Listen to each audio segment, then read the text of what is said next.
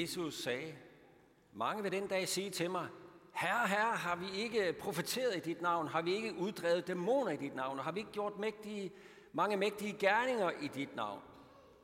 Og der vil jeg sige dem, som det er. Jeg har aldrig kendt jer. Bort fra mig, I, som begår lovbrud. Derfor enhver, som hører disse ord og handler efter dem, skal ligne en klog mand, der har bygget sit hus på klippen. Og skybruddet kom, og floderne steg, og stormene suste og ramte det hus. Men det faldt ikke, for dets grund var lagt på klippen. Men hver, som hører disse ord ikke handler efter dem, skal ligne en tåbe, der har bygget sit hus på sand. Og skybruddet kom, og floderne steg, og stormene suste, og de slog imod det hus, og det faldt, og dets fald var stort.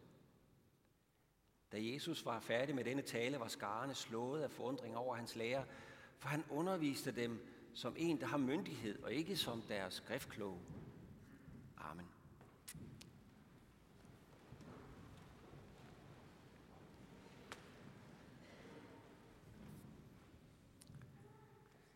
Det er fake news, vi har på tapetet i dag. Fake news. Det er ikke noget, som er nyt. Det er ikke noget, der først er kommet til øh, inden for de sidste, de sidste par år, sådan cirka. Det har været der altid. Fake news, falske profeter, forkyndere, der fører folk vild. Den sammenhæng, vi er i her, er jo bjergprædiken, og det er egentlig hele bjergprædiken, man skal læse for at få et fuldt indtryk af, hvad det er, Jesus siger. Men den umiddelbare kontekst her, det handler om to veje, to muligheder. Den brede vej og den smalle sti. Den brede vej, der fører til fortabelse, og den smalle sti, der fører til evigt liv. Livets to veje, eller man kunne sige dødens vej og livets vej. Og det Jesus gør os opmærksom på, det er, at det ikke bare er sådan, at der er to veje, og så kan man sige, jamen øh, ligesom hvis man kommer ud til motorvejen, så er der et tydelig skiltning, hvis man skal til øh, Flensborg, eller en tydelig skiltning, hvis man skal til Aarhus. Og så kan man stole på skiltet. Det er ikke bare sådan, der. Skiltningen er ikke bare klar og tydelig. Den smalle vej, det er så til venstre, og det har du skiltet. Den går til evigt liv. Den brede vej, den her til højre. Her har du skiltet, og, og, og den, øh, den fører til fortabelse. Så værsgo, hvor vil du helst hen? Og det er heller ikke sådan, at den brede vej som overskrift bare har moralsk forfald nødvendigvis. Løgn, spot, mor, det er den her vej. Verdensløs, den vej. Mens den smalle vej, der står ligesom alt sandt og godt og sundt og, og skønt, der skal du have den her sti. Det er ikke sådan, det er, og det er det, er det Jesus gør os opmærksom på. Der er fake news omkring os. Verden er fyldt med fake news. Og den brede vej, den er brolagt med løgn og bedrag. Og det er den allermest der, hvor den vil give indtryk af, at du går der på den rigtige vej. Du går der på den gode vej, den fromme vej. Den vej, hvor der står Jesus på. Der er bedraget allerstørst. Og det er her, de her falske profeter spiller en rolle. Det er det, han tager op i den her kontekst. Tag jer i agt for de falske profeter, der kommer til jer i forklæder. Ikke? Men indeni er klubske ulve.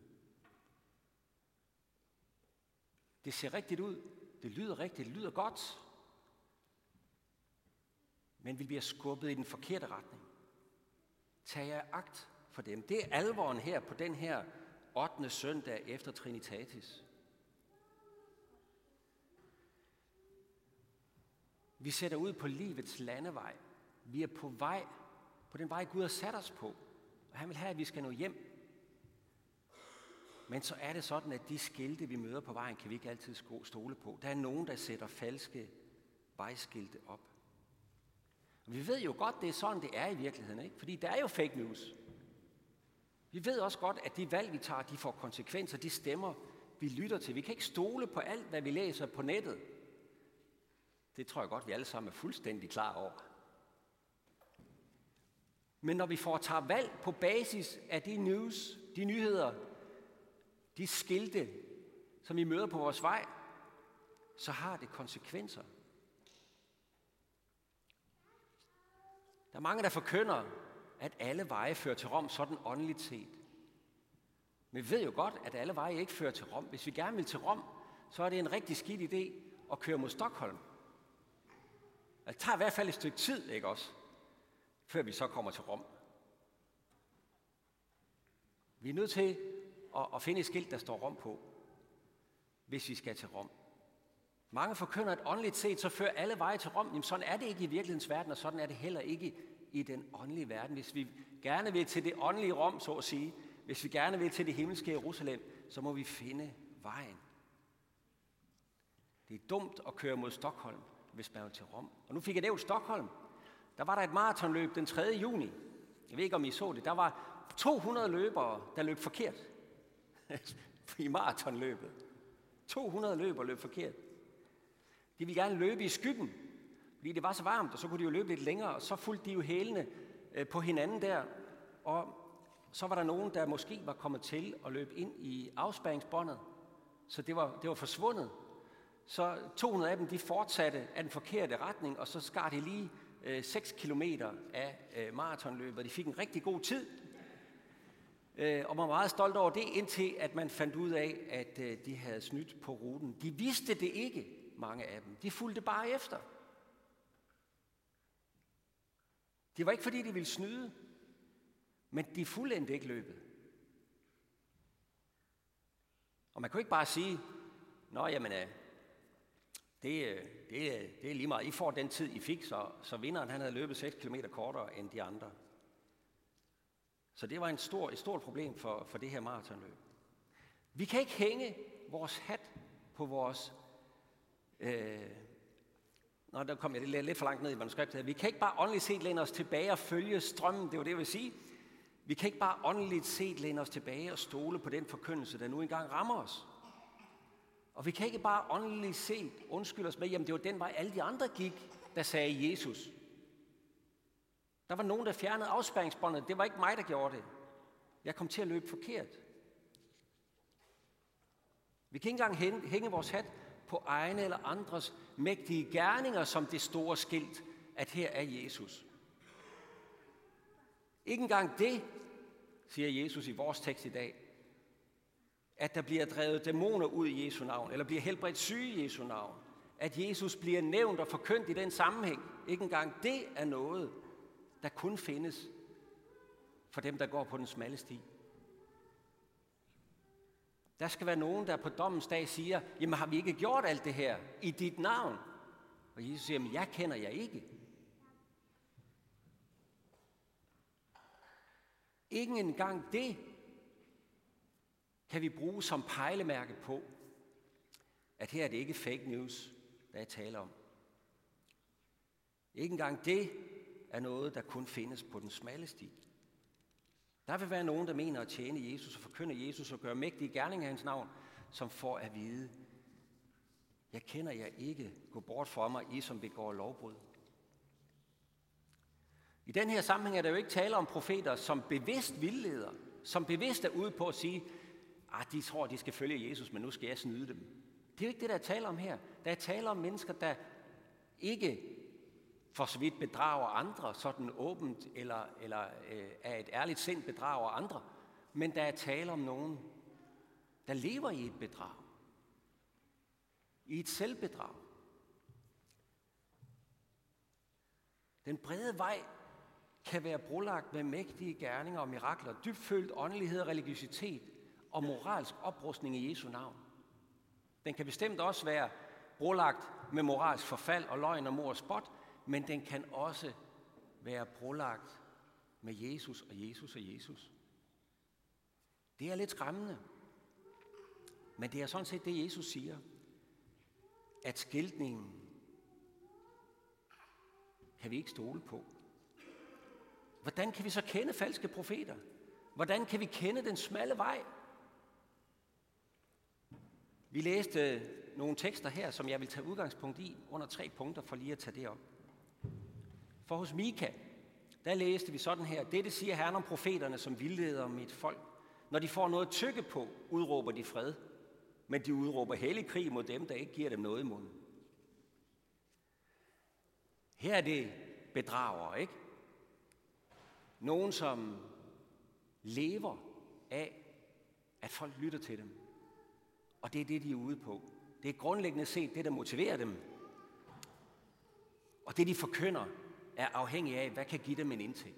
De forkynder gerne fred og for ingen fare, uanset om det er det eller ej.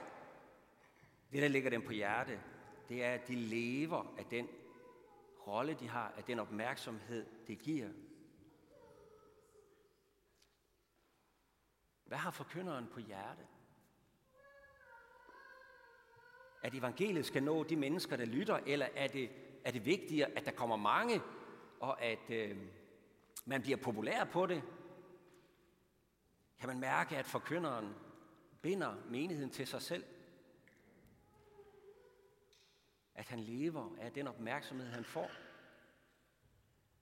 Når man går hjem, er det så forkynderen, man husker som den store stjerne, eller er det Kristus, der på en måde er blevet malet en for øje?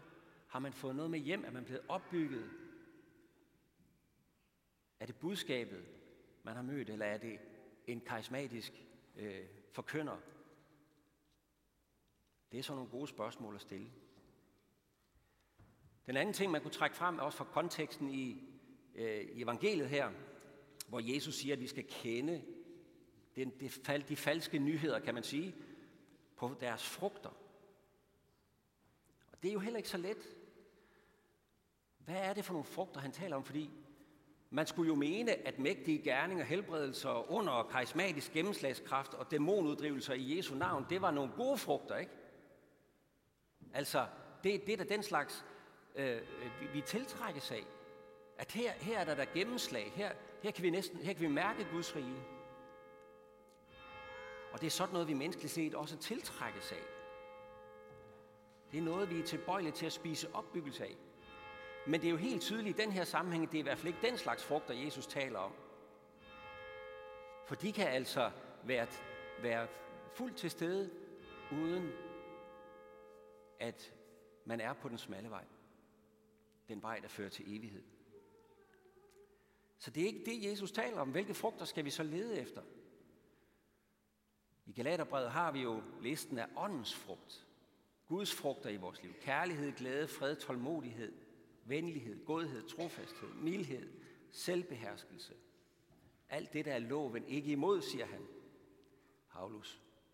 De, som hører Kristus til, har korsfæstet kødet sammen med lidenskaberne og begæringerne. Lever vi i ånden, skal vi også vandre i ånden. Det er nogle af de frugter, vi gerne skulle finde. De, men de er jo heller ikke så tydelige. Og hvad er det for nogle frugter, vi skal lede efter fra forkyndelsen? Jamen det er jo, at mennesker bliver sat fri. At de finder søndernes forladelse i Jesus Kristus. Og de finder ind i efterfølgelse af ham. Kaster deres liv på ham. Finder glæde og fred hos Gud.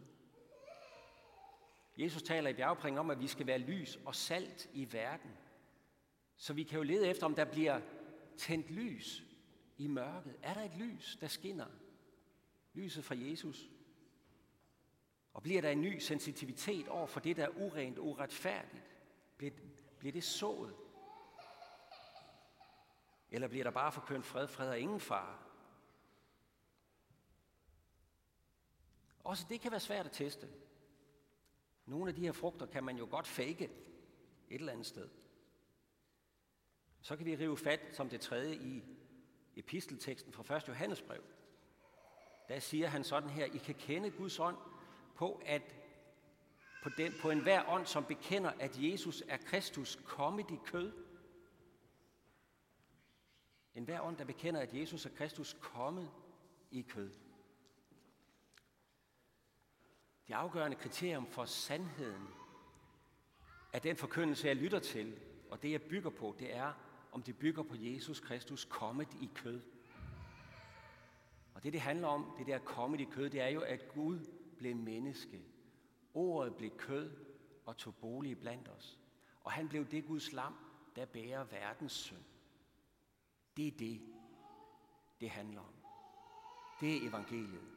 Det er det, er det vi skal ære og elske, fordi Gud har betalt den dyreste pris for dig og mig. Det er det, der er det grundlæggende. Forkyndes han som vejen, sandheden og livet? Eller er det alt muligt andet ting, vi omkring? Er det det? For den smalle sti er ikke brolagt med det, jeg kan gøre. Alt det, der står jeg og mig på, det hører den brede motorvej til, uanset hvor åndeligt det så måtte være. Den smalle sti er ikke brolagt med fromhed for den, der tager sig sammen, eller for den, der kan gøre mægtige gerninger i Jesu navn, eller for den, der kan holde sig på dydens smalle sti.